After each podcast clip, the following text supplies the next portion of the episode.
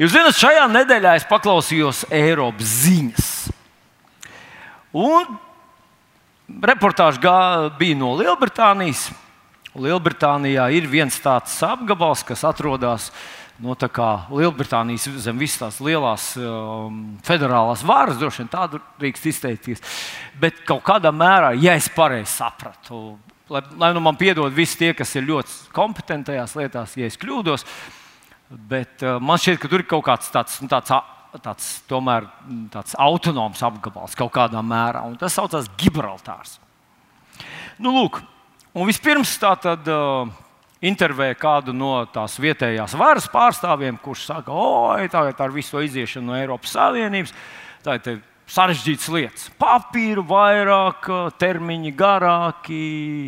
Nu, tur var būt formalitātes, līdz ar to tur dārgāk tas viss strādnieks vajag vairāk un tā tālāk. Vienmēr sakot, apstākļi ir grūti.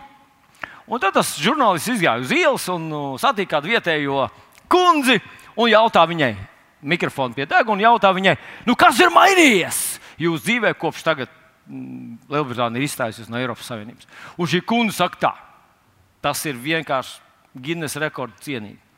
Nekas nav mainījies! Katru rītu es eju uz darbu, un katru vakaru es eju gulēt. Ziniet, man bija jādomā par šīs sievietes patiesajiem vārdiem. Nu, tiešām viņas dzīvē nekas nav mainījies. Viņai katru rītu jāiet uz darbu, un katru vakaru jāiet gulēt. Un, ziniet, man uzreiz tāda līdzība asociējās, vai, vai es ieraudzīju tādu līdzību ar to, ko saka Dievs. Dievs saka, ka viss ir mainījies, ir palikušas pēdējās sekundes no, nu, no šī žēlstības laika. Un tūlīt sāksies tas dramatisks, turbulents pārmaiņas un pārvērtības. Ja nekad vairs nebūs tā kā agrāk. Un tad intervētājs pienāk pie viena kristieša un saka viņam, kas jūsu dzīvē ir mainījies sakarā ar to, ka Dievs saka, ka viss ir mainījies. Kas ir mainījies jūsu dzīvē? Un tas kristietis saka, nekas nav mainījies.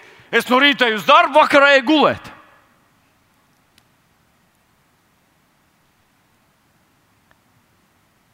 Forši pareizi.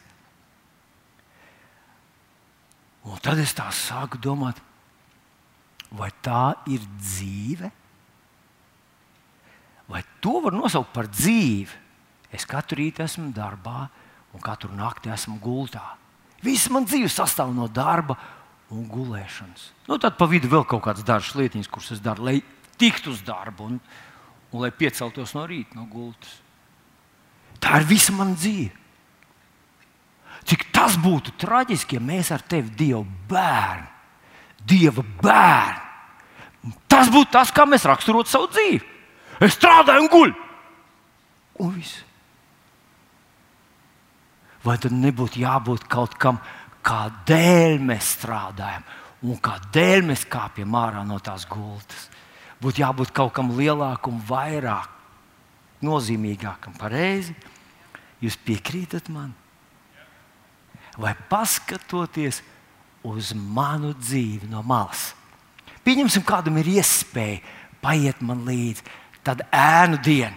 Kāds man staigā līdzi, skatās, ko es lasu savā internetā, ko es lasu savā telefonā, kas ir tas, par ko es domāju, kas ir tas, ko es runāju, kas ir tas, par ko man sirds sāp un norūpējusies. Interesanti, vai viņš teiktu, hei, tam gan cilvēkam ir kaut kas vairāk nekā tikai no rīta uz darbu un vakarā gultā.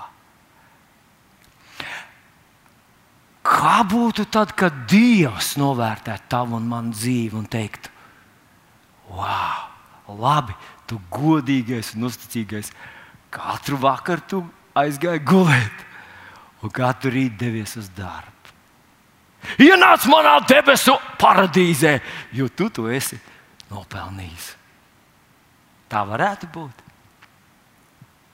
Nu, lūk, Dievs cenšas izmainīt mūsu dzīvi un piedot tai augstākas trajektorijas.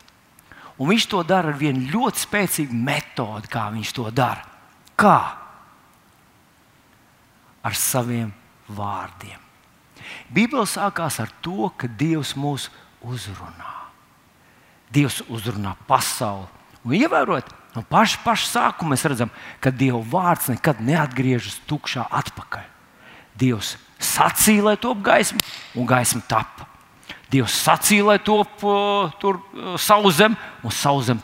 Viss, ko Dievs sacīja, nekas nespēja apstādināt viņa vārda spēku. Viņa vārdos ir nenormāls, neaptverams, neiedomājams, radošs spēks.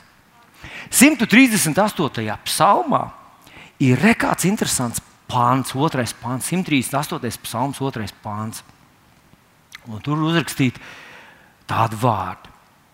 Es tevi pielūgšu tavā svētajā namā, es teikšu tavu vārdu par tavu žēlastību un uzticību, jo tu esi pāri par savu vārdu paaugstinājis savus apsolījumus.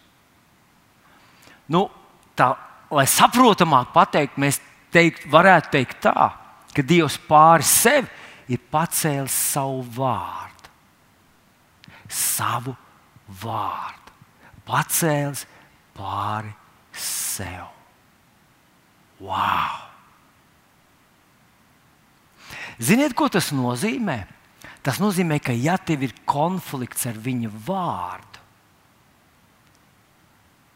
tev ir konflikts arī ar Dievu.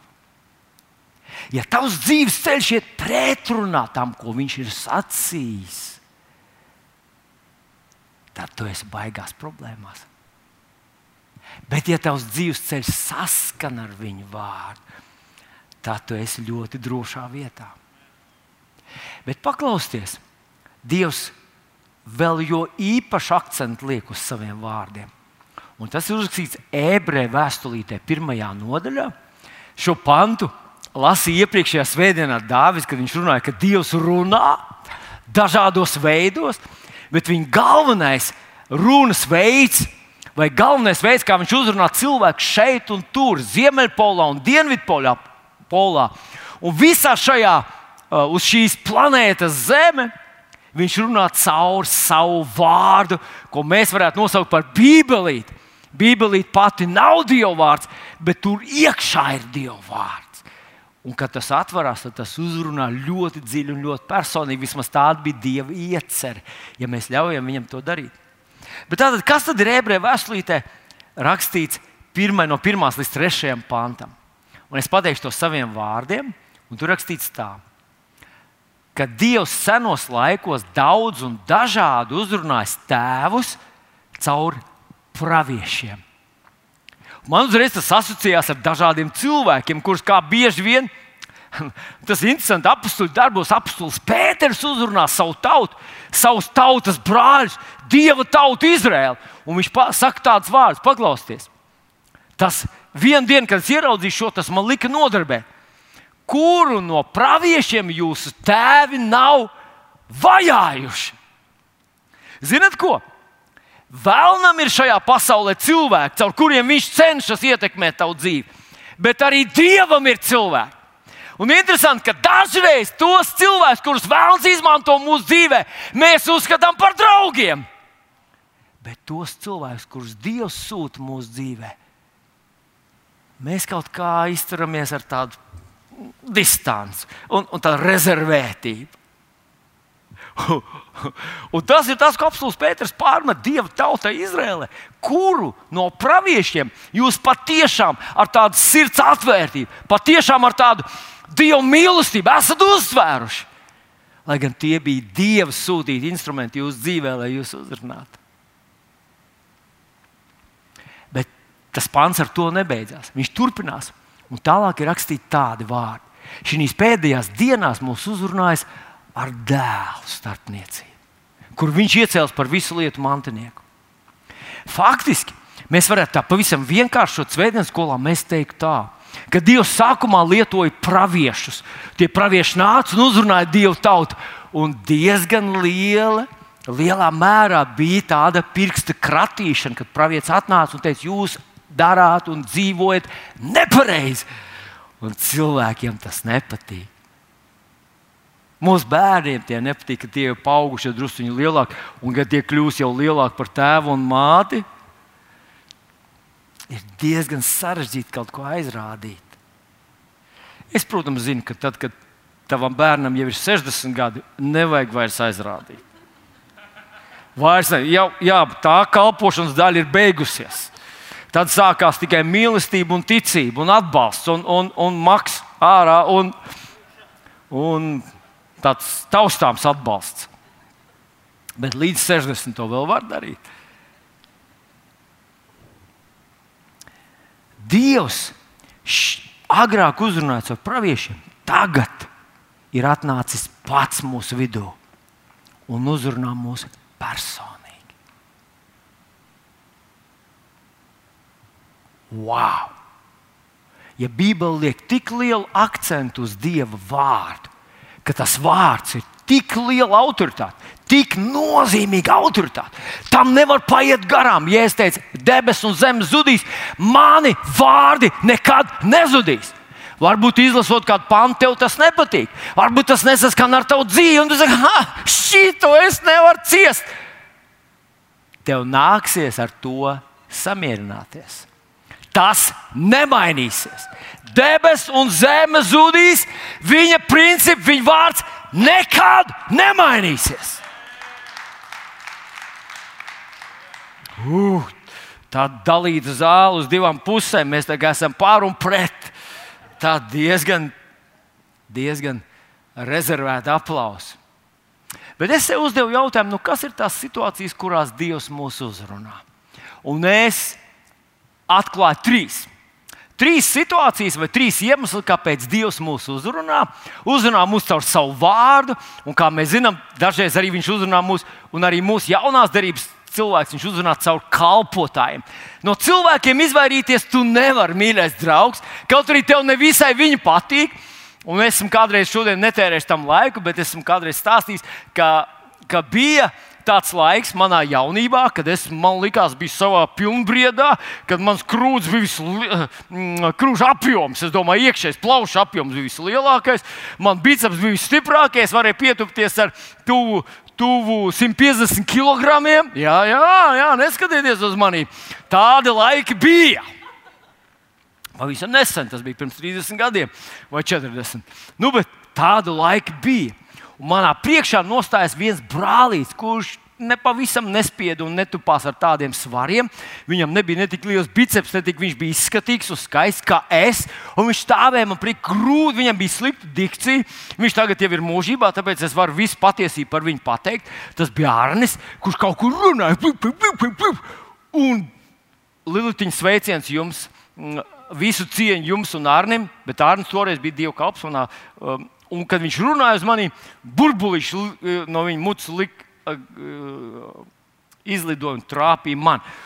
Un manī bija ļoti liels dusmas, un tomēr es zināju, ka tas cilvēks ir vienīgais, kurš tajā situācijā man tiešām teica patiesību. Tā nedrīkst darīt. Tā nedrīkst darīt. Es esmu pateicīgs viņam par to, jo visi citi kaut kā, kaut kā tā noklusē un kaut kā tā, nu, tā ziniet, tā, nu, nepateica, kā tas ir patiesībā. Tātad pirmā situācija, Dievs mūs uzrunā, lai mūs brīdinātu. Saka, lai brīdinātu. Brīdināt, brīdinājumi ir svarīgi. Mēs to visi jau zinām, ka brīdinājumi ir svarīgi, lai dažreiz mums viņi nepatīk. Brīdinājumi ir svarīgi, un Dievs mūs brīdina. Nu, īsumā varbūt maz, tā, maz tāda atsaucīta, lai netērētu tam laiku. Ir 1. pētera vēstule, 5. nodaļa, 8. pāns. 1. pētera 5, 8, kur viņš saka, tā, esiet skaidrā prātā. Esiet nomodā. Jūs pretinieks vēl staigā apkārt, kā lauva rūkdams, meklē, ko tas varētu aprīt. Un 9. pāns uzreiz saka, ko tad darīt? 9. pāns saka, tam stāvat pretī stipri ticībā. Bet tas brīdinājums, ka tas siltais ūdentiņš, kurā tu un es peldamies un gribam, gribam atslābināties, ir pilns ar haizivīm. Šī pasaule tāda ir. Un šis ir brīdinājums, viens no brīdinājumiem. Un, kā mēs jau zinām, visi to stāsta par vardīti, kas tika ielaista tādā vēsā ūdenī, kurš sila, un viņi tā atslābinājās, atslābinājās, atslābinājās, kamēr vairs nebija spējīgi tikt ārā no turienes. Tas ir tas, ko šis brīdinājums grib ar mums izdarīt. Esi nomodā, šeit ir riskanti aizmigt.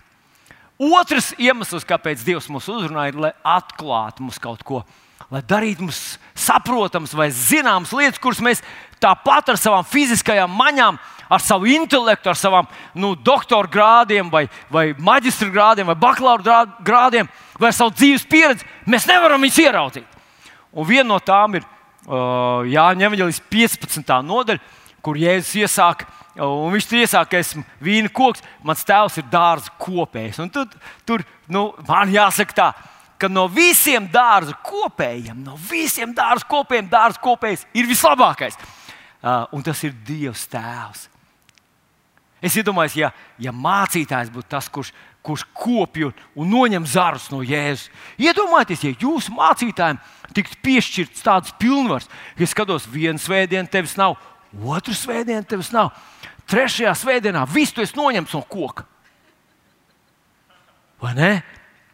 Tu, tu, oh, mācītājs biju, es biju. Labdien, mācītājs, atnāc parādīties. Es esmu, es degu, es mīlu, es kalpoju. Tu teiksi, lai viņš nenoņem man no, no, no, no vīna koka, bet tas ir tēvs, kas noņem.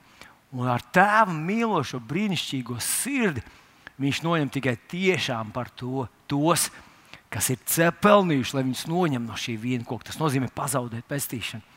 Bet viņš ne, ar to nebeidz. Mēs turpinām tālāk, Evanģēlijā 15. nodaļā, 5. pantā. Un tur ir vesela šī atklāsme. Es esmu vīna koks, jūs esat zari. Ik viens zars, kas paliek manī, nesīs daudz augļu. Jo bez manis jūs neko nespējat darīt. Ziniet, ko? Mēs to dzīvē īstenībā nemaz nu tā uzreiz neapjaušam. Mēs gribam, lai mūsu bērni iet skolā, lai viņi trenējās, lai viņi skrien, slēpjas, lai viņi nu, skaļi dzied un kaut ko. Jo tad viņi šajā dzīvē būs auglīgi. Viņi uzvarēs lietas. Bet īstenībā Jēzus cenšas pateikt, ka tavai dzīvē nebūs augļi, ja tu neturēsies pie koka. Tur ir visas tās auglības, tavas dzīves spēka, tavas enerģijas, tavas spējas iziet cauri šaurai vietai, ir viņā un nevis kaut kur citur. Tā, manuprāt, ir baigā atklāsme. Un, ja mēs atcerētos to, ka es esmu zars pie vīna koka, turēšos viņā, un tas uzrakstīts 7. pantā, turpat, ja jūs paliekat manī man vārdi paliek jūsies, jūs varēsiet lūgt, ko gribat, un tas jums ir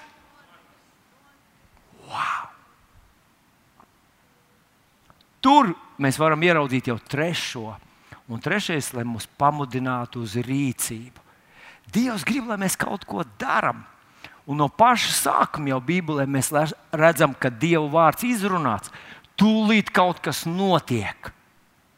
Zinat, vienīgais, kam ir spēks, vienīgais radījums, kam ir spēks apturēt Dievu vārdu un atņemt viņam spēku, radīt kustību, radīt rezultātu, esam tūlnes.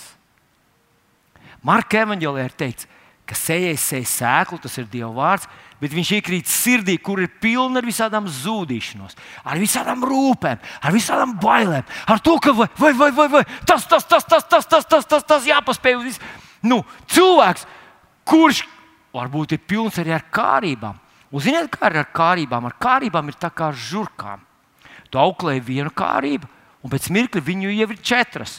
Tu auklēji tās četras, domā, nē, nu, četras tas nemaz nav tik daudz tam cilvēkam.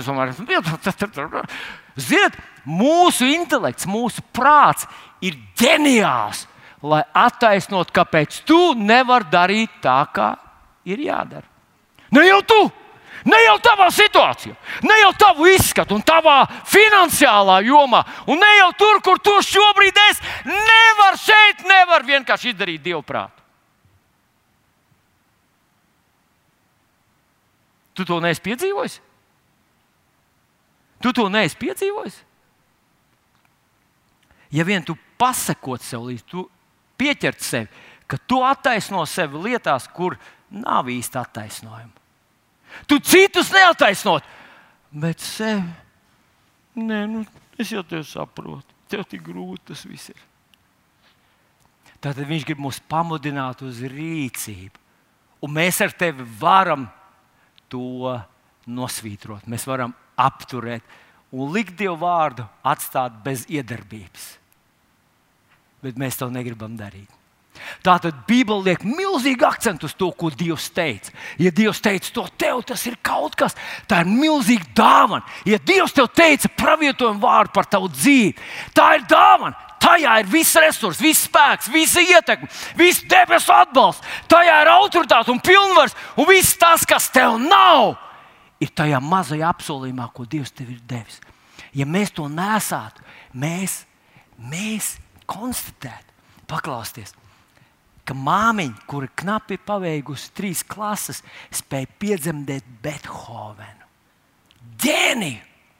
Un tas ir tas, kas notiek ar mums, kad mēs paņemam Dievu vārdu, iznēsājam to savā sirdī un ļaujam tam nostrādāt pilnu.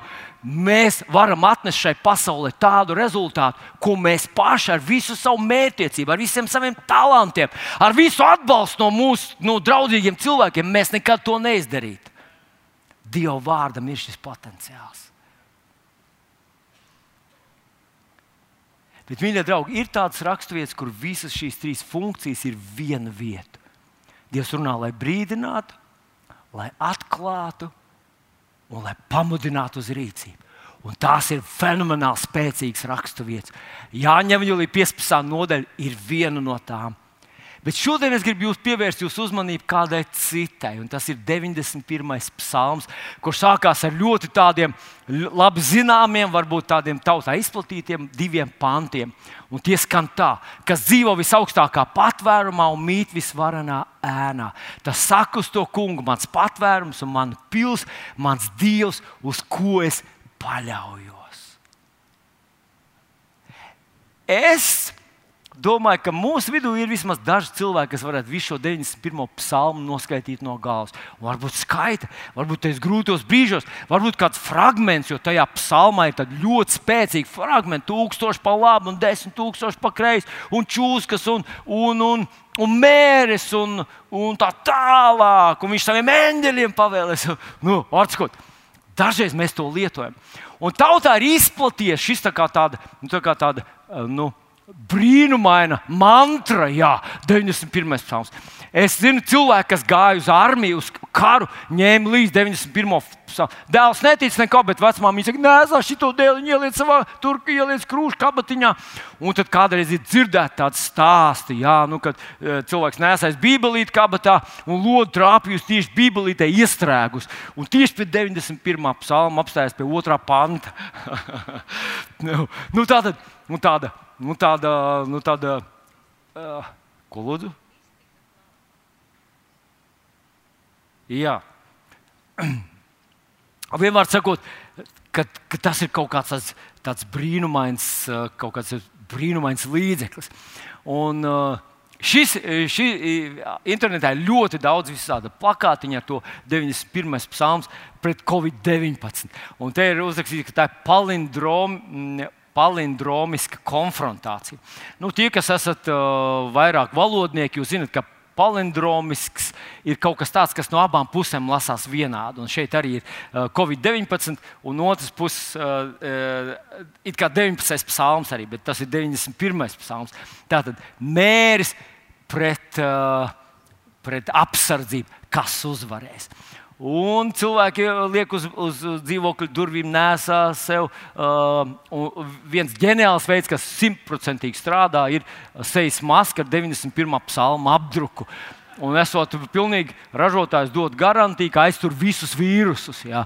Arī visus tos, par kuriem saka, ka tie ir ļoti, ļoti maziņi. Tātad 91. psalms, man uz deguna 91. psalms, kas var būt labāks par to. Un runā, ka mūsu valdība, tas mazliet pēdiņās jāliek, mūsu valdība nopietni apspriež, ka vai nu uh, vakcīna vai maska ar 91. psalmu, jā, tas arī izderēs. nu, tas var būt mazliet jocīgi. Uh, joks. Bet ir kāds cilvēks, kurš gāja vēl tālāk, un viņš 91. psalmu uztetovēja sev uz, uz, uz ķermeņa. Nu, ja kaut kas tiešām strādā, tad šim ir jāstrādā. Redziet, 91. es esmu Bībelīte, ja. Dieva vārds esmu es. Jūs gribat izlasīt, re, kur ir. Viņš pats to nevar izlasīt, to jālasa kādam citam. Nu, tad iedomājieties, mēs pasauktu, un viss Bībele būtu satatuvēta mums uz muguras. Un mēs jautājām, kuram 91. psalms? O, māsa pieceļās, uznāk, un, un, un, un, un mēs lasām. un tad kādam ir Jeremija grāmata, un, un, un protams, visi tie nopietni tie, tie teksti, tos mēs tetovētu uz brāļiem, vai ne? Absolūti.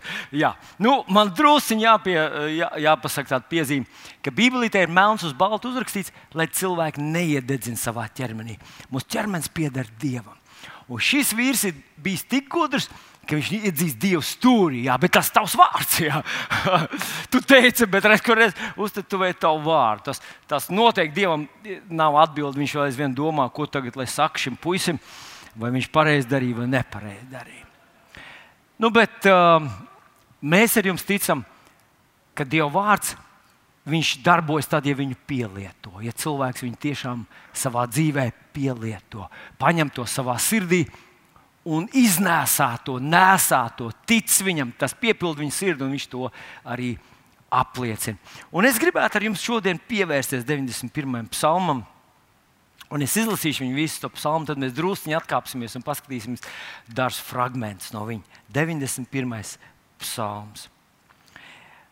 Raksturvieta, kurā ir visas trīs funkcijas kopā saliktas, manuprāt, tāpēc ir ļoti, ļoti spēcīga un arī atklāsmes pilna. Kas dzīvo visaugstākā patvērumā un mīt visvarenā ēnā, tas saka uz to kungu, mans patvērums un mana pilsēta mans dievs, uz ko es paļaujos. Jo viņš tevi glābi kā putnu no ķērēja cilpas, pasargā no iznīcinātāja mēra. Viņš tevi sedz ar saviem spārniem, zem viņa spārniem tu esi paglābts. Viņa patiesība ir tavs vairogs un bruņas. Tu nebīsties naktas briesmu, nedz arī būtu, kas dienas skraida, nedz mēra, kas tumsā lien, nedz sērgu, kas pusdienā nomaitā Jebši tūkstoši krīt tev blakus un desmit tūkstoši tev pa labo roku, taču tevi tas neskars. Tiešām tu vēl skatīsies ar savām acīm un redzēsi, kā bezdieviem tiek atmaksāts. Tiešām to, kungs, es mans patvērums. Visaugstāko to es izraudzīju sev par aizsargu. Nekāds ļaunums tev nenotiks, nec kāda nediena tuvosies tavai teltī, jo viņš sūtīs tev savus eņģeļus, tevi pasargāt visos tavos ceļos Viņi tevi uz rokām nesīs, lai tava kāja nepieduras pie akmens. Pār lauvām un nodzēm tu varēsi staigāt. Tu samīs jaunos lauvas un čūskas. Tādēļ, ka viņš man stipri pieķēries, es viņu izglābšu, es viņu paaugstināšu, jo viņš pazīst manu vārdu. Kad viņš man piesaugs, es viņu paklausīšu. Es viņam esmu klāt bēdās. Es viņu izraušu no tām un celšu godā. Es viņam došu ilgu mūžu un parādīšu viņam savu pestīšanu. Halleluja! Ir cilvēki, kas to no rīta izlasa, īpaši, kad viņi iet grūtam laikam cauri. Ir cilvēki, kas to apliecina. Un uzskata, ko, ka, nu, ka tā ir tā, tas ir tas veids, kā tas jālieto. Bet, manuprāt, šis psalms ir nu, pieder, ir dāvināts un tiešām darbojas to cilvēku dzīvēm, kur ir aprakstīti pirmajos divos pantos. Pirmie divi panti mums pasaka, kā tas darbojas un kam tas darbojas. Nu, tātad, ko tad mēs lasām pirmajos divos pantos? Kas dzīvo visaugstākā patvērumā un mīt visvarenā ēnā. Ievērot, ka te nav runa par tādiem apmeklētājiem, kas regulāri ierodās visvarenā patvērumā vis, un, un regulāri atnāk pie viņas Ziemassvētkos. Ir cilvēki, kas divreiz gadā iet uz baznīcu un saka, es esmu īsts kristīgs cilvēks, man divreiz gadā jābūt baznīcā. Nu, ir cilvēki, kas saka, man vēl ir trīs reizes, man vēl ir kapu svētki, ja, kur es aizlūdzu par visiem aizgājējiem, mirušiem un tā tālāk. Un kur Bībele, Bībele absolūti kategoriski to noraida. Un saka, ka tajā mirklī, kad cilvēks aiziet no šīs pasaules, viņa dzīvē vairs nekas nav labojams nekas nav maināms. Un cilvēki vēl, aizvien saka, nu, esmu tāds ļoti reliģisks cilvēks. Nu, varbūt varbūt cilvēki ir tādi, kas reizi mēnesī iet. Ir cilvēki, kas katru nedēļu, tie vispār fanātiski. Tie cilvēki, kas katru nedēļu, svētdienu ir dievkalpojumā, nu nekā savādāk par fanātiņiem viņus nosaukt nevar, vai ne? Jo tas ir Tas ir ļoti līdzīgi, ka cilvēks katru nedēļu vienu reizi pēd. Svētdienās viņš ēd. Mēs nekā savādāk viņu nesauktu kā saukt, kā izēdājs. Tas cilvēks, kurš katru, katru nedēļu ēd vienreiz, ir vienkārši nu, dramatiski atkarīgs no ēdiena. Bet šī Bībele šajā raksturvietā nerunā par cilvēkiem, kas apmeklē retāk vai bieži. Šeit ir runa par cilvēkiem, kas tur atrodas, kas tur dzīvo. Tā ir viņa adrese. Tu gribi viņus atrast, kur viņi ir, ko viņi dara. Viņi atrodas pie tā kunga. Viņi atrodas viņam tuvu. Viņi vada savu dzīvi. Atcerieties par, par Enoku rakstīts, ka viņš vadīja savu dzīvi ar to kungu. Viņš staigāja ar Dievu. Tas ir tas, ko viņš darīja. Viņš gāja uz darbu, viņš gāja kopā ar to kungu. Bībelē ir tas ļoti labs pāns, apelsīns Pāvils saka, mums, visu, ko darat, darat no sirds, it kā savam kungam. Jūs zināt, dažreiz mēs to atšķiram. No, nu, es strādāju, tas ir, es to daru par naudu, jā, es tur, nu, nu, ko varu, to es daru, kas jādara, to es izdaru. Bet ko var nedarīt, to es arī nedaru. A, kāpēc man tas jādara? Pareizi. Nu, ja tu to darītu kā tam kungam, tas būtu pavisam savādāk attieksme. Iedomājieties, ja tu strādātu savā darbvietā kā tāds, kas to dara priekš tā kunga. Iespējams, ka tavs alga būtu lielāka. Iespējams, ka tavs darba devējs meklētu katru iespēju, katru izdevību, kad tev kaut kā noprēmēt, kaut kā mm, palielināt tev tavus ienākumus, jo viņš baidītos pazaudēt tevi. Nu, tā tad tie ir tie cilvēki, kas tur atrodas. Kad viņi dodas atvaļinājumā, viņi neaizmirst to kungu un neatgriežas pie viņa atpakaļ. Tad, kad, teiksim, lidmašīnā sākās turbulence un sākās kaut kādas problēmas, tad, kungs, ah, ah, piedod, jā, mēs gribam, lai tu esi ar mums arī atvaļinājumā. Nē, viņi ir arī tur ar viņu. Viņi pat izbauda atvaļinājumu ar to kungu, jo tā kunga miers, apsardzība, viņa vadība. Ziniet, Mēs to redzēsim drusku vēlāk. Bet īstenībā es gribu teikt, ka Dievs grib ar tevi būt gan atvaļinājumā, gan darbā, gan ģimenes atpūtā, gan izbraukumā. Viņš nav tas, kas visu padara garlaicīgu un monotonu. Tas esi tu! Viņš ir tas, kurš tiešām gribētu sagādāt tev gan adrenalīnu, gan, gan asas izjūtas, gan pārsteigt tevi, gan parādīt savu dāsnumu un mīlestību, gan teikt, Dēliņ, tu esi gatavs atteikties, bet es gribu, lai tev tas ir. Mēs savā dzīvē to esam piedzīvojuši ļoti, ļoti daudz reižu. Tad šis psalms un viss tas, kas rakstīts tālāk, ir tieši priekš tādiem cilvēkiem. Bet rakstam, lasam otro pantu. Otrajā pantā ir uzrakstīts, tas saka uz to kungu. Redzi, no malas mēs to nevarētu redzēt. Ir kaut kas starp viņiem, ko tikai Dievs mums atklāja. Kad tu saki viņam, tu esi mans, mans tu esi Tas saka uz to kungu, tu esi mans patvērums un mana pilsēta. Man ir tik labi tevī. Tu esi mana pilsēta. Nevis tu esi mana zaru būda, nevis tu esi mans iztiks minimums, bet tu esi mana pilsēta. Saki, pilsēta. Es zinu, ka neviens no mums nav dzīvojis pilī, bet aizbrauc uz Rundāles pilu un iedomājas, tā pastāv mazliet iedomājas, ka tā ir tava. Un tagad, kur visur salikt striķi un kameras un, un visu laiku uzrauga, neesties to vāzi, neskatieties pārāk ilgi uz šo, nepieskarieties tam krēslam, nelietojiet to labierīcību. Tas, tas viss būs tavs. Tu pamosties, pamosties uh, gul, gultā, kur atrodas tāda. Iedomājieties, šī būtu tava guļamistaba. Tu no rīta pamosties, un tev ir 5000 metru uz vienu pusi, 5000 metru, drusku mazāk, bet, bet tu dzīvo pilī. Tu izēji dārzā, un tas ir dārzs tāds, ka tur uh, jāsauc taksometri, lai aizbrauktu līdz otram galam. Bagātība, dāsnums, pils ir tas kungs. Tādas ir viņa attiecības. Uz tādu cilvēku, tādam cilvēkam pieder visi šie tālākie panti. Un, zinot, manuprāt, tas ir ļoti spēcīga motivācija kļūt par tādu cilvēku. Es zinu, ka mums visiem ir kur augt, arī man ir kur augt. tieši šajās lietās. Jo tik ļoti Dievs pasauli mīlēs, ka Viņš deva savu vienpiedzimušo dēlu, lai neviens, kas viņam tic, nepazust, bet katrs iegūtu šīs personīgās attiecības, šīs mīlestības attiecības ar viņu.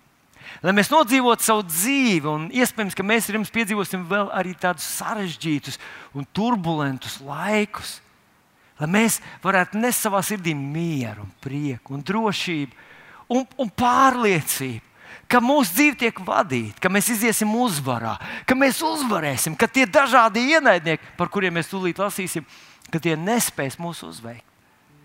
Mums nav jābaidās. Kungs, es ļoti gribētu, lai tu esi tāds cilvēks. Šai rītā es tevi izaicinu, brāl māsu. Kas ir vajadzīgs, lai tu paspērtu vēl vienu, vienu lielu soli vēl tuvāk viņam? Iemīlēt viņu vēl vairāk. Es zinu, mēs mīlam dažreiz sūnīt, mīlam savu bērnu, mīlam savu dzīves draugu, mīlam savu māju, savu motociklu, mīlam savu mašīnu.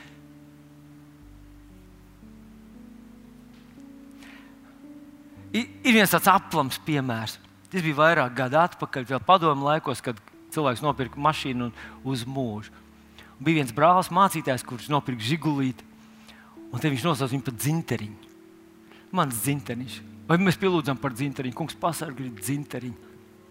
Viņi bija uzlīmējuši, viņam uz paneļa bija uzrakstīts, no sieriņa izgriezt. Nu, tā padomu laikos, kā bija, tā bija. No, izgriezt no tā sieriņa to, to un uzlīmēja. Viņi sauc viņu mīļi, mēs ar dzinteriņu atbraucām pie tevis.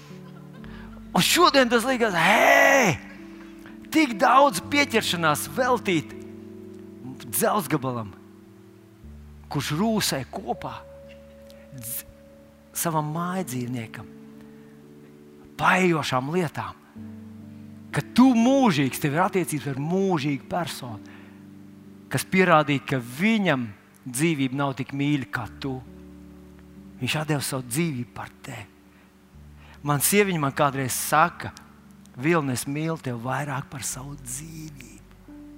Tajās reizēs man gribas apstāties, ieskatīties viņa acīs, saka, pasak vēlreiz, pasaki vēlreiz. man grūti tam noticēt, pasaki vēlreiz. Un viņa saka vēlreiz kā mums vajadzētu mīlēt Dievu. Kā man vajadzētu baudīt viņa klātbūtni.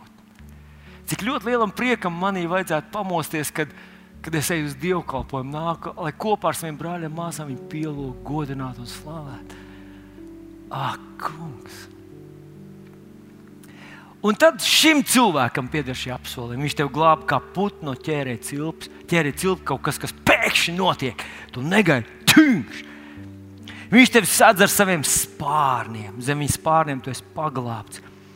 Ziniet, kas ir interesanti? Nu, protams, ka te ir tā, nu, tāds tā kā.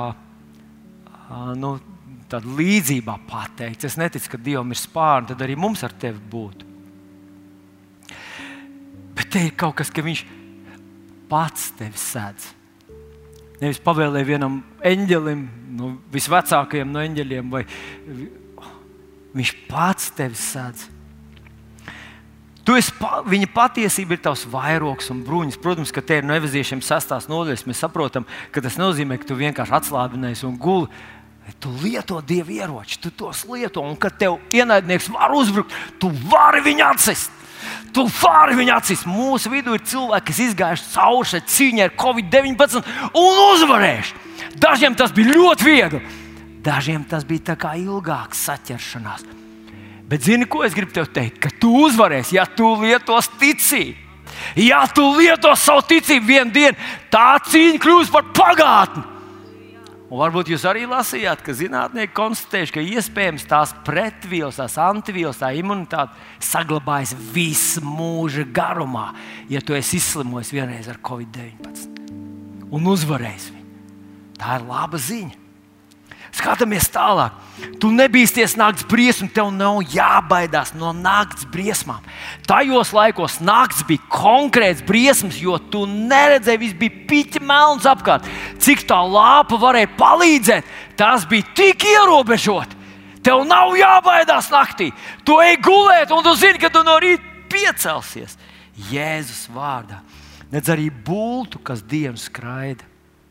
Nec mēra, kas tumsā lien, nec sērgu, kas pusdienā nomaitā.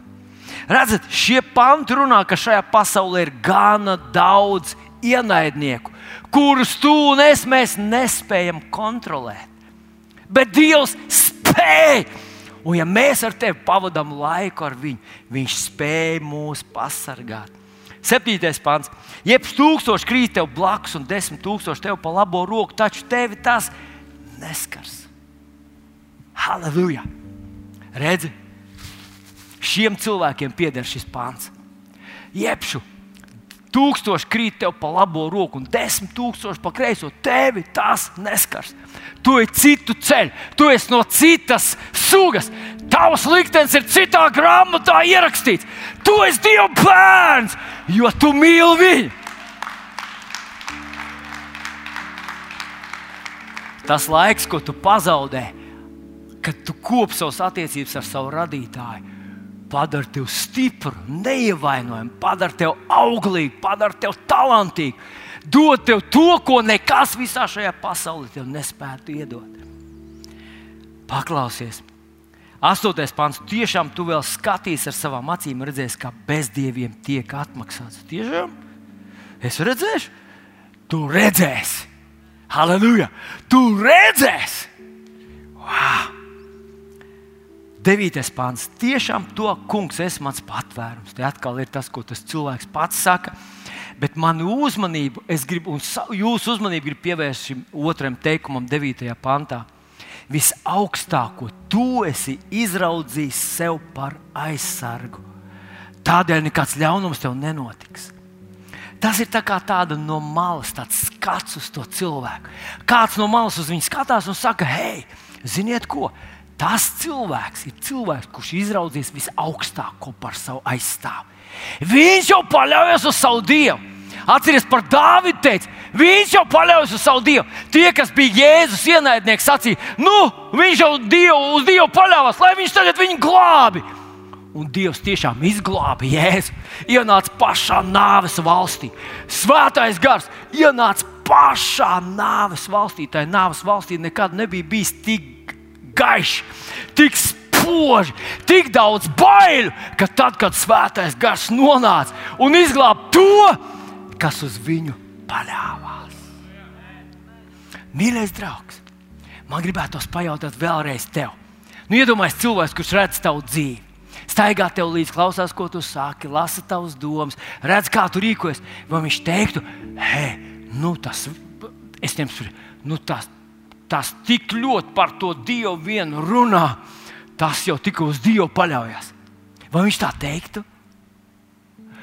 Un paklausties, tas nav akmens nevienā dārziņā, bet es esmu to ieraudzījis vairākas reizes, ka kristieši, mani brāļi un māsas, tie, kas vienā gadījumā saka, tas kungs ir mans glābējs, mans dziedinātājs, viss man panākuma avots ir tajā kungā. Kādā citā situācijā kādā citā auditorijā. Viņi pēkšņi sāk runāt citas lietas. O, ziniet, kopš es lietoju šo uzturu bagātinātāju, man viss darbojas, man ģimenē viss ir labi, mums viss ir labi ar sievu. O, tas tas uzturu bagātinātājs. Kāds saka, kopš es dzeru šo kafiju, man rasīs spiediens, viss ir labi, un tā, ziniet, jaunībā atjaunojās. Kāds saka, kopš es šitās eļļas smērēt, ir visur, kur man ir forši. Kāds saka, kopš es ar fizisko kultūru nodarbojos, es skrienu katru rītu, un, ziniet, kopš es tagad skrienu, mums tad viss ir labi ar sieviņu, un tur, tur, nu, viss ir tur, tur labs. Un, manuprāt, tas ir tas, kur mēs kaut ko pārprotam. Paklausieties, Jeremijas grāmatā, 9. nodaļā, izrakstīts sekojošs vārds.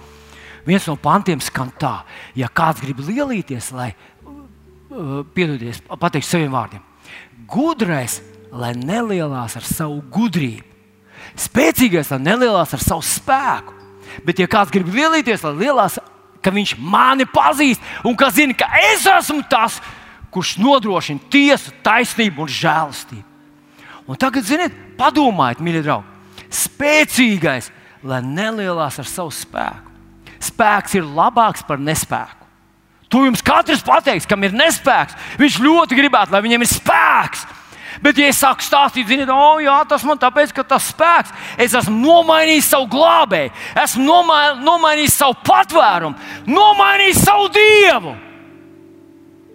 Un manā izpratnē tas ir tas mirklis, kad tu sev rādi un ieprogrammē sev lielām problēmām. Tad, kad es saku, jā, kopš es ēdu šo uzturbagātinātāju,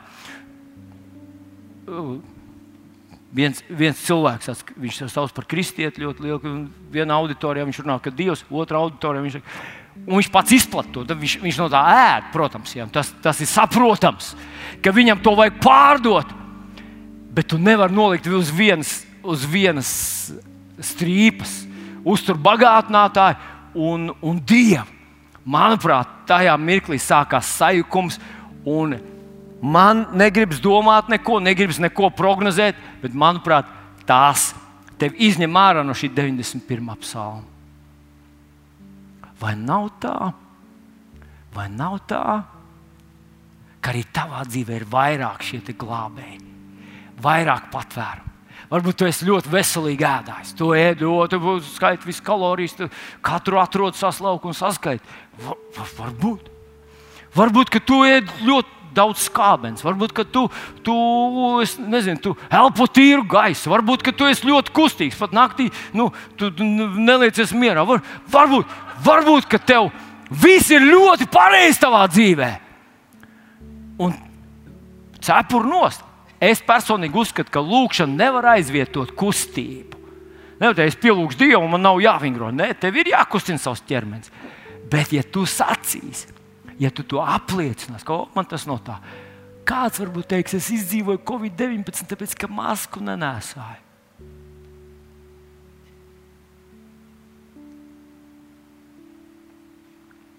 Vai varbūt kaut kas cits. Par šo cilvēku, kurš atrodas viņam tuvu, saka, tu esi izraudījis to kungu par savu aizsargu. Tev nekas nenotiks. Nekāds ļaunums, desmitais pāns tev nenotiks. Nekāda nediena tuvosies tavai teltī. Jēzus vārdā es to gribu. Kungs, es pieņemu to. Viņš sūtīs tev savus eņģeļus, tevi pasargāt visos tavos ceļos. Klausījos vienā amerikāņu mācītājā, kurš saka, mums jāregulē eņģeļi, mums jāsūta viņi. Citādi nu, viņi gaida mūsu pavēles, jo viss, ko jūs atraisīsiet, būs atraisīts. Es domāju, Dievs, es dažreiz nezinu pašam, ko darīt man. Lai eņģeļi būtu atkarīgi no mana intelekta, no manām pavēlēm, tad ir vāks pilnīgs. Tur ir rakstīts, ka viņš sūtīs eņģeļus. Kungs, lūdzu, komandē manus eņģeļus. Man nav zināšanas, ko viņiem jādara. Jo tās daudzas no tām lietām ir preventīvas. Es vēl neredzu, es vēl nenojaušu, ka viņas var būt. Bet tas kungs sūta eņģeli izkārtot man dzīves ceļu. Halleluja! Halleluja! Paldies tev par eņģeļiem, debes Tēvs! Es gribu, lai tu to turpini darīt manis dēļ. Viņi tevi uz rokām nesīs, lai tava kāja nepieduras pie akmens. Pār lauvām nodzēm tu varēsi staigāt. Tu samīsi jaunos lauvus un čūskas. Tādēļ, ka viņš man stipri pieķēries, es viņu izglābšu. Angļu bībelītē, King James tulkojumā 14. pants skan tā, tādēļ, ka viņš mani mīl. Tāpēc, ka viņš savu mīlestību pret mani ir pagriezis, es viņu izglābšu. Tas saskan ar romiešiem 8,28, kur rakstīts, ka tiem, kas Dievu mīlē, viņš visas lietas vērš par labu. Halleluja! Kungs, paldies Tev! Paldies Tev! Kad viņš man piesaugs, 15. pāns, kad viņš man piesaugs, es viņu paklausīšu, es viņam esmu klāt bēdās, es viņu izraušu no tām celšu godā, es viņam došu ilgu mūžu un parādīšu viņam savu pestīšanu. Brīnišķīga raksta vieta, brīnišķīgs psalms. Brīnišķīgs psalms, ja tu staigā ar to kungu sadraudzībā. Tas ir tavs. Tu to vari apliecināt, tu par to vari pasludināt savai dzīvei, tu vari par to pateikties. Tas kungs ir ar tevi. No mēra, no cilpām, no bultām, no ienaidniekiem. No, tu izglābsi mani. Tūkstoši pa labi, desmit tūkstoši pa kreisi. Tu mani, kungs, mēs ar tevi esam iemīlējušies. Visi zina, ka manā dzīvē ir viena liela mīlestība, un tas ir mans Dievs. Un mans Dievs zina, ka man šajā pasaulē ir viena liela mīlestība un tie ir cilvēki. Es Dievam runāju par cilvēkiem, un cilvēkiem es stāstu par savu Dievu. Tas ir mans dzīves lielākās kaislības. Wow! Tādam cilvēkam pieder šis 91. psalms, kurā ir brīdinājums, kurā ir atklāsme un kurā ir pamudinājums. Nu taču, nu taču! Nu, taču paklaus manam vārdam, nu, taču atbild uz manu mīlestību. Nu, taču ļauj man būt ar tevi savā dzīvē. Kopā mēs izdarīsim fenomenālas lietas.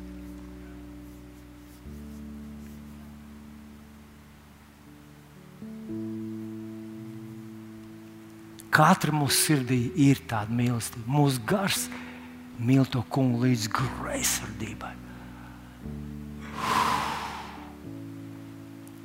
Palīdz, kungs, lai mans gars dominē pār manu miesu un pār manu mazo dvēselīti.